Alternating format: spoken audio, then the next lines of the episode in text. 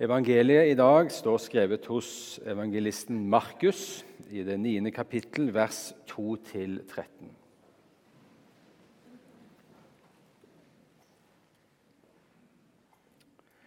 Seks dager senere tok Jesus med seg Peter, Jakob og Johannes og førte dem opp på et høyt fjell, hvor de var alene. Der ble han forvandlet for øynene på dem og klærne hans ble så skinnende hvite at ingen som bleker klær her på jorden, kan få dem så hvite. Elia viste seg for dem sammen med Moses, og de snakket med Jesus. Da tok Peter til orde og sa til Jesus, 'Rabbi, det er godt at vi er her. La oss bygge tre hytter, en til deg, en til Moses og en til Elia.'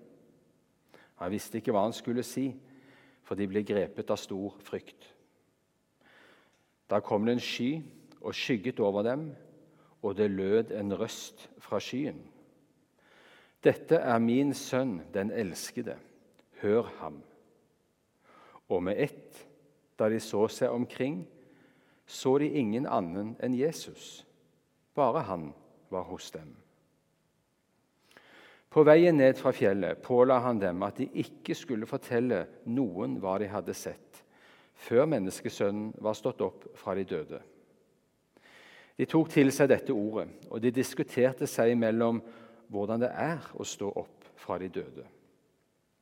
Og de spurte ham, 'Hvorfor sier de skriftlærde at Elia først må komme?' Han svarte, 'Elia kommer først og setter alt i rette stand.' Men hvordan kan det da stå skrevet om menneskesønnen at han skal lide mye og bli foraktet? Jo, jeg sier dere, Elia er allerede kommet, og de gjorde med han som de ville, slik det står skrevet om ham. Slik lyder Herrens ord.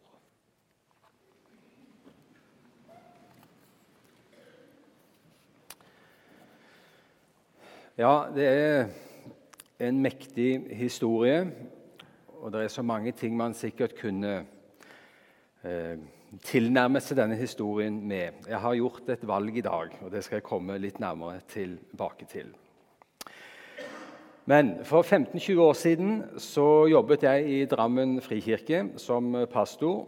Og Da var jeg på en del hjemmebesøk eh, hos de eldre. Det var mange eldre. og det, det var, så jeg hadde, det var ikke så stor menighet heller, og jeg hadde tid til det så husker jeg veldig godt at det var en dame som fortalte litt fra tidligere år i Frikirken om hvordan det, å være, hvordan det pleide å være med vitnemøter og delekvelder osv. Hun sa at det var alltid så mange som hadde så mye å fortelle om fra deres liv med Gud. Opplevelser og bønnesvar og ting de var takknemlige for. Og Så sa hun at hun ofte syntes det ble litt ukomfortabelt på slike møter fordi hun ikke hadde så mye å dele. Og kjente seg egentlig litt flat i troslivet. Og Særlig når folk kom til henne og spør, spør du har ikke du noe å dele. Og Hun følte seg litt annerledes, utilstrekkelig i sin tro. Jeg tror flere av oss kanskje kan ha kjent på slike følelser. Troslivet oppleves tørt. Det er ikke så veldig mye ekstraordinære ting som skjer. Og eh, Man har kanskje tenkt det stille det hadde jo vært ok å kunne oppleve noe litt ekstra.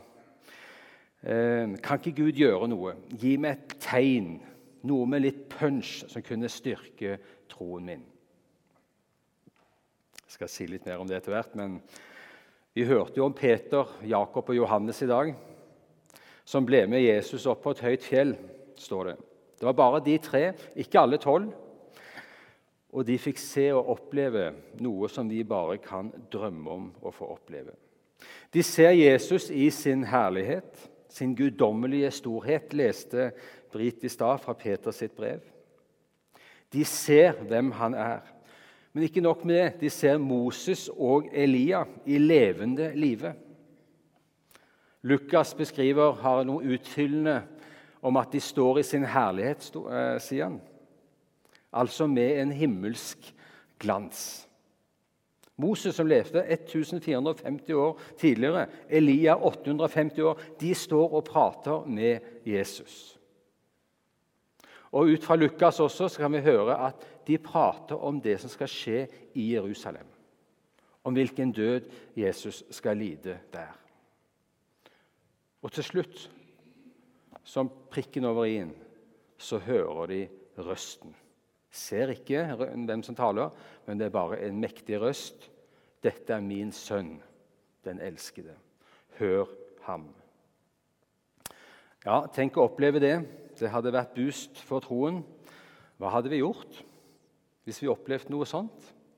Hadde vi gått rett ned på Karl Johan og stilt oss opp? Jeg har sett Jesus, Guds sønn. Jeg har sett hans profeter. De lever. Jesus er Messias. Så kan man lure på hvor mange hadde trodd oss. Hvilket stoff har du tatt? Hva er det du er blitt høy på, kanskje, hadde man begynt å lure på. Det hadde vel neppe blitt tatt imot. Ja, vi tenker lett Kan du ikke gi meg noe håndfast, Gud? En opplevelse, opplevelse som levende gjør virkelig troen min, så jeg kunne fått å, litt mer trøkk. Hva ville en slik opplevelse gjort med vår tro? Hmm. Hvilken betydning fikk det for disse tre? Det skal jeg også komme litt tilbake til. Vi leste at dette skjedde seks dager senere. I forhold til hva skjedde det seks dager senere? Jo, Hvis vi går til teksten, så kan vi se litt foran at eh, Jesus hadde en samtale med disiplene noen dager i forveien, der han spør dem hva sier folk om meg. Hvem sier folk at jeg er? Og Da svarer jo disiplene jo, noen tror det er Elias som har kommet. Noen tror det er Jeremia, profeten, som har kommet tilbake. Noen tror det er døperen Johannes som har stått opp igjen fra de døde.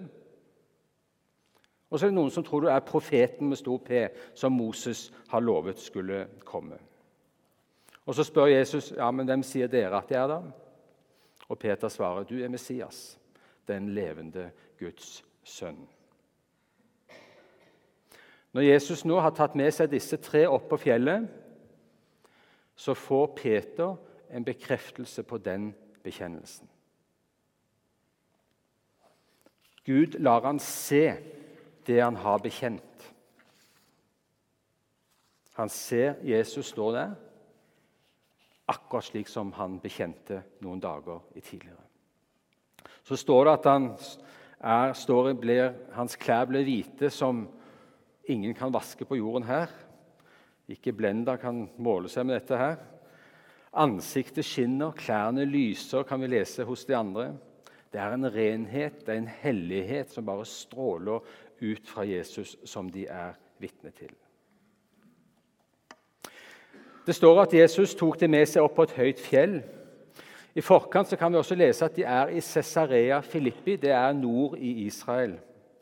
Og Det er bare ett høyt fjell i nærheten der, og det er Hebron. Så det er vel sannsynlig at det er det fjellet han har tatt dem med opp på. Og Det var 2800 meter høyt.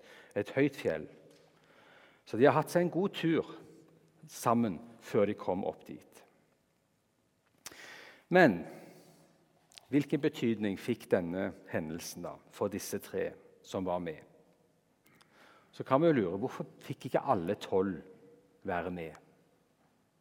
Hva ville det hatt å si for Judas hvis han ble med for eksempel, og fikk se dette? Vi vet ikke. Jakob, Johannes og Peter ser. Vi vet ikke hvilken betydning det fikk for Jakob, annet enn vi kan være sikre på at det hadde nok en stor betydning for hans tro. Han er jo den første av de tolv disiplene som ble drept. Han ble ikke gammel. Han er en av søylene av tre, eh, disse tre, men han dør ikke lenge etter at Jesus har reist tilbake. Han ble drept av Herodes. Johannes han skriver om det. Han sier i sitt evangelium vi så hans herlighet, en herlighet som den enbårne sønn har fra sin far i himmelen. Og Det er vel kanskje ingen som beskriver Jesus sin guddommelighet sterkere enn Johannes. Så mon om ikke denne historien har vært med også og virkelig gjøre klart for Johannes hvem Jesus er. Peter skriver også om det. Det leste Brit fra i dag. Hun leste fra hans brev, der han forteller om denne hendelsen. Peter er nå en eldre mann. Det er blitt lenge siden. Dette skjedde, så dette er på hans eldre dager. Han vet også han snart skal dø. Men det er akkurat som han nå på sine eldre dager ser tilbake. Jeg skal lese en gang til det som Britt leste fra Peters brev. For Peter sier følgende.: Vi fulgte ikke klokt uttenkte myter da vi kunngjorde for dere vår Herre Jesu Kristi, Jesu Kristi kraft og Hans komme. Nei, vi var øyenvitner, og vi så Hans guddommelige storhet. For han fikk ære og herlighet av Gud sin far den gang røsten lød over ham fra den høyestes herlighet. Dette er min sønn, den elskede, i ham har jeg min glede. Vi hørte denne røsten fra himmelen da vi var sammen med ham på det hellige fjellet. Han minner om at de så og hørte mektig. Men hadde vi lest litt videre i Peters sitt brev, så sier han noe som jeg tror vi skal legge merke til. Han sier derfor står også profetordet så mye fastere for oss. Det står brukt derfor i, i, min oversettelse. Det står også 'desto fastere' står det i noen andre.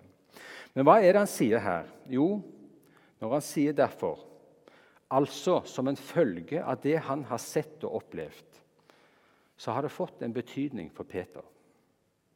Nå er han en gammel mann. Denne hendelsen har modnet. Og jeg tror han nå ser klart hvorfor han skulle oppleve dette.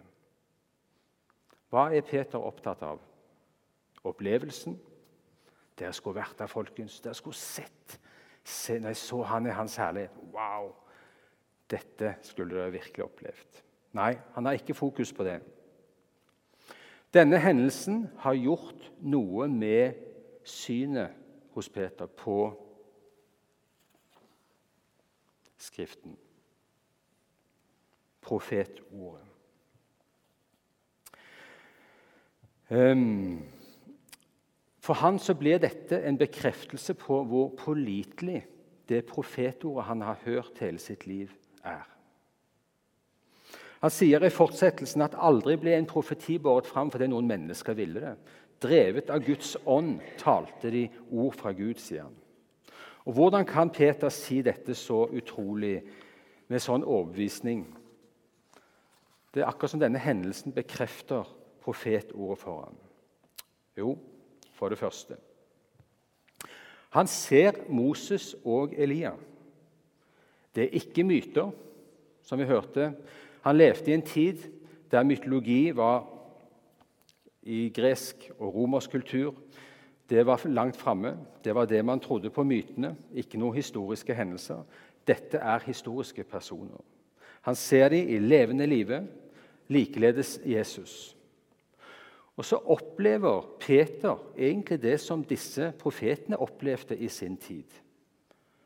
Han får stå foran og den levende Gud og høre hans røst. Og ser hvordan Gud og profetene arbeider sammen.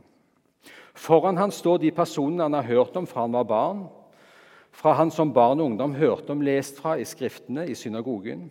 De lever, de står og snakker med Jesus. Ja, som vi hørte, eller som jeg nevnte, Lukas forteller også de taler om hva som skal skje i Jerusalem. Med andre ord hans død på korset. Hvorfor skulle Jesus snakke med Moses og Elia om det? Fordi de har vitnet om dette tidligere. For det andre han ser Jesu guddommelige herlighet og storhet, og de blir redde. Finner vi eksempler på det i Skriften? Ja, Jesaja forteller om at han så Herren sitte på en trone i tempelet. Synet er så mektig for Jesaja at han blir livredd. Peter ser Jesus i sin herlighet, slik Jesaja så Herren i sin herlighet på tronen, og de er også livredde. Han opplever det samme som han har hørt om. Ikke nok med det, han hører røsten til sin far i himmelen, som bekrefter det han står og ser på. Har vi eksempler på at israelsfolket hører Herrens røst? Absolutt flere steder. I 5. Mosebok kan vi lese Disse ordene talte Herren med høy røst til hele deres forsamling på fjellet, ut av ilden, skyen og skodden, står det i 5. Mosebok 5. Tre ting opplever Peter som han har lest om i Skriftene. Han ser Moses og Elia, som han har hørt og lest om. Han ser Jesus i sin herlighet, slik Jesaja gjorde. Og han hører røsten slik israelsfolket hadde hørt, og som han hadde lest om i profetordet. Ja, vi hørte Herren tale til Moses gjennom tornebusken i dag. Hvor vil jeg med dette? Jo, jeg tror vi har lett noen ganger for å være opptatt av opplevelser, happenings. For vi tenker det kan være trosstyrkende. Men det er ikke det det kommer an på. Og Det vitner også historien om. Historien handler ikke om opplevelser, men vil lære oss noe viktig. Peke på noen sannheter som vi trenger å ta til oss. Denne historien er tegn på noe. Slik som alt det Jesus gjør, er tegn på noe. Se på israelsfolket. Hva de var vitne til av mektige tegn og under. Vi kan jo bare drømme om å få se noe av det de så. Havet delte seg, vann av klippen, ildsøylen foran dem, manna, avgrunnen som åpner seg og sluker de ulydige. Det hjelper ikke på troen. Eller på Jesu tid, hvilke mektige tegn og under var ikke folk vitne til? Men de trodde ikke likevel. Og Jesus sier at hvis de ikke tror Skriftene, så vil de heller ikke tro om så døde står opp igjen. Det er sannheten om oss mennesker. Altså Vi har fått profetordet, som Peter sa, Skriftene. Og denne hendelsen som disse tre, Jakob, Johannes og Peter, er vitne til når de ser Jesus i sin herlighet med Moses og Elia, hører røsten, ja, da er det en bekreftelse på at alt som er skrevet, ja, det har hendt. Det er et troverdig ord. Det er som at Peter ser rett inn i historien, inn i Skriftene, når han er vitne til dette. Hele Israels historie har ett sikte, ett mål, og det er Jesus.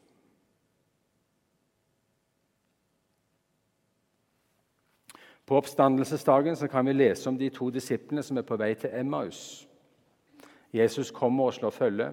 Han viser seg ikke for dem, de gjør det ikke kjent at det er han. Hva gjør han? Han går gjennom Skriftene med dem, utlegger Skriftene om seg og hans lidelse, død og oppstandelse. Og Da står det at hjertene brant.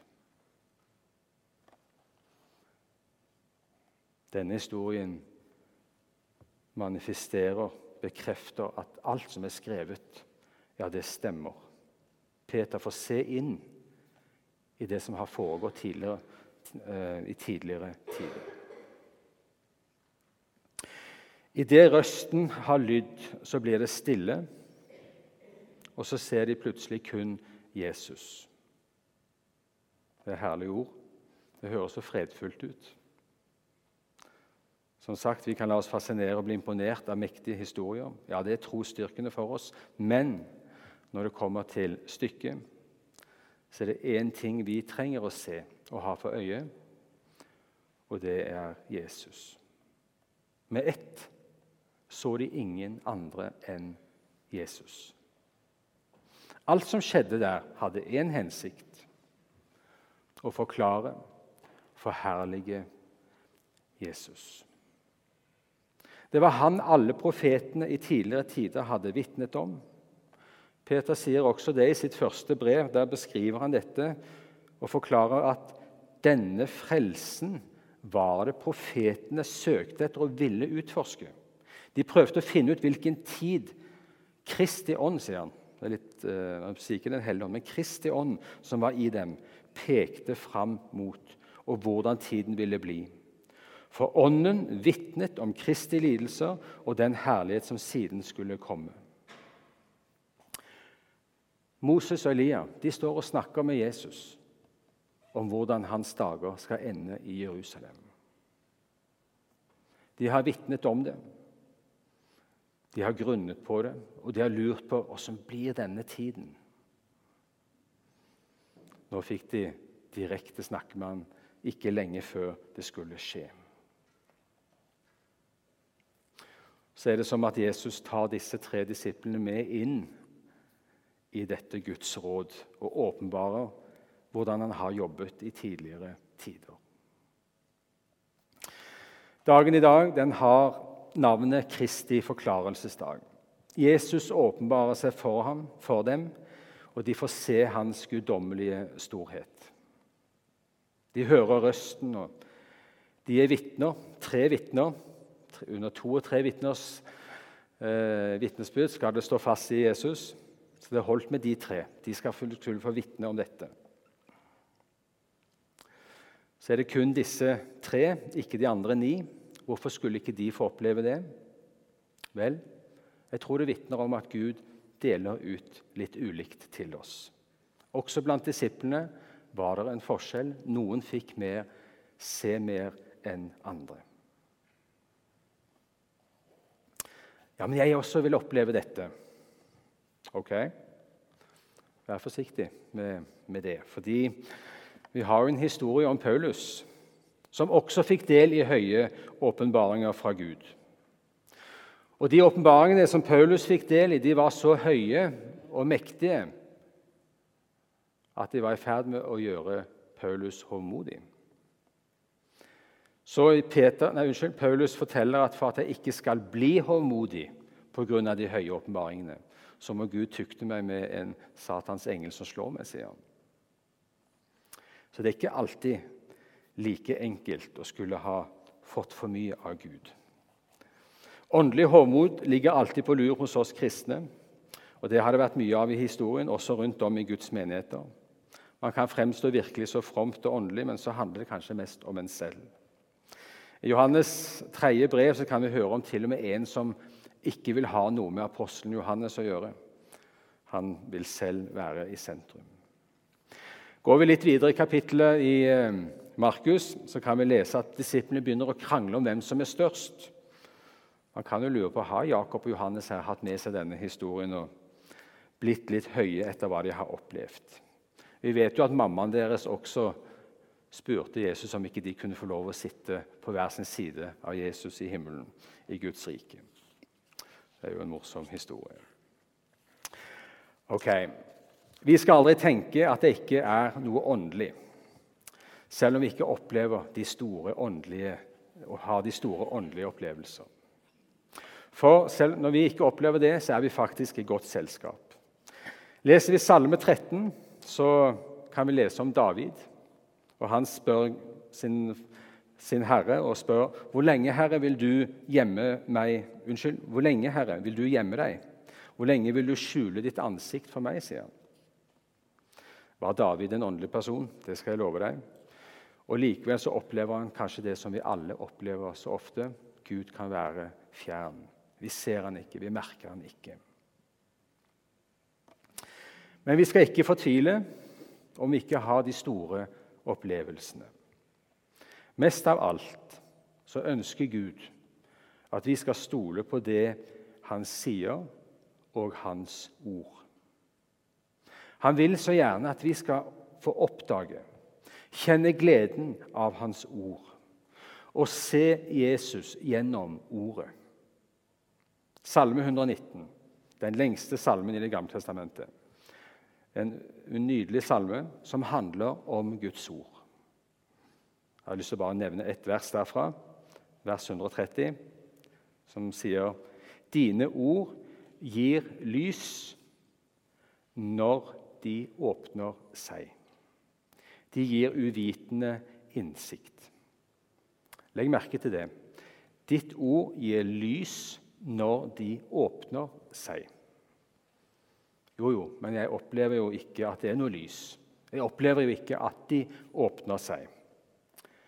Nei, det kan ofte være slik for enhver av oss. Men jeg vil våge å si Når vi setter oss stille ned, trekker oss tilbake, leser sakte, ber om at Gud må åpne dette ord Be om at Den hellige ånd skal komme og hjelpe deg til å forstå og skjønne det du leser. Be om at ordet må åpne seg slik at lyset stråler fram.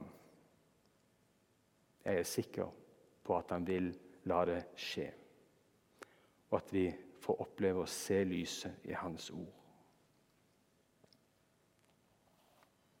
Men vi trenger litt stillhet. Jesus måtte trekke seg tilbake. Måtte trekke seg tilbake fra alle inntrykk og være alene med sin far. Og kanskje er det det vi ikke alltid har så god tid til. I 1. Samuel 3 så står det noe vi skal legge merke til. Det handler om profeten Samuel. og så står det Herren fortsatte å vise seg i Kilo. Der åpenbarte Herren seg for Samuel gjennom sitt ord, sier han. Jesus åpenbarer seg og viser seg gjennom sitt ord, står det. Og Det skal vi ha i bakhodet når vi leser ordet. Det er et levende ord, det er Guds ord, og det er gjennom ordet han kommer og åpner og lar oss se med våre hjerter. Så får vi noen små glimt av og til. Peter syntes det var godt å være der med Jesus. Han ville bygge noen hytter. Sånn er det også for oss. Vi kan noen ganger kanskje kjenne at å, nå, nå, var det godt. Jeg har ofte de beste stundene hvis jeg kan sitte for meg selv av og til. og Så hender det at det kan bli, Hans ord blir så levende noen ganger. Men neste øyeblikk så er det borte. Tankene flyr hit og dit. Og Sånn var det også her i dette øyeblikket for disiplene. Vi vil så gjerne ha mer. Det kommer. Det kommer. Men eh, vi har Hans ord. Og Jeg tror denne historien vi hørte i dag, virkelig vil minne oss på hvor troverdig Hans ord er. At det vi ser, de får oppleve der. altså den, den gleden skal vi også få. Skriften åpner opp og åpenbarer det for oss. Ok. Det var noen tanker rundt denne teksten. Det er en herlig historie. Vi kunne sikkert tilnærmet oss den på, med andre innfallsvinkler òg. Den handler om oppstandelsen, den handler om frelsen, den handler om Skriften, den handler om håpet. Det er så mye i denne historien, men nå var det det jeg la vekt på i dag. Vi får et glimt av Moses og Elia, og de lever i dette øyeblikk hos Herren. Vi skal en dag treffe dem igjen, og da skal vi kunne snakke med dem om denne dagen som de opplevde på dette fjellet. Vi skal kjenne det igjen. Vi er ikke noen upersonlige mennesker og vesener. Vi skal beholde vår identitet den dagen vi kommer hjem. La oss be. Gode Far, vi takker deg for, for ditt ord og hva du har åpenbart for oss. Hva du har innlemmet oss i, og hva du har tatt oss med inn i, i ditt råd og latt oss få se. Og du har delt sannheter og hemmeligheter med oss som er bare så enorme. Herre, hjelp oss å ta til oss disse herlige ordene. La dem få vokse. Vi ser litt, men dette, vi er jo ikke utvokst. Dette er et levende ord. Hjelp oss å ta det til oss, så dette kan få vokse, så du kan skinne ut av ditt ord til våre hjerter. I Jesu navn. Amen.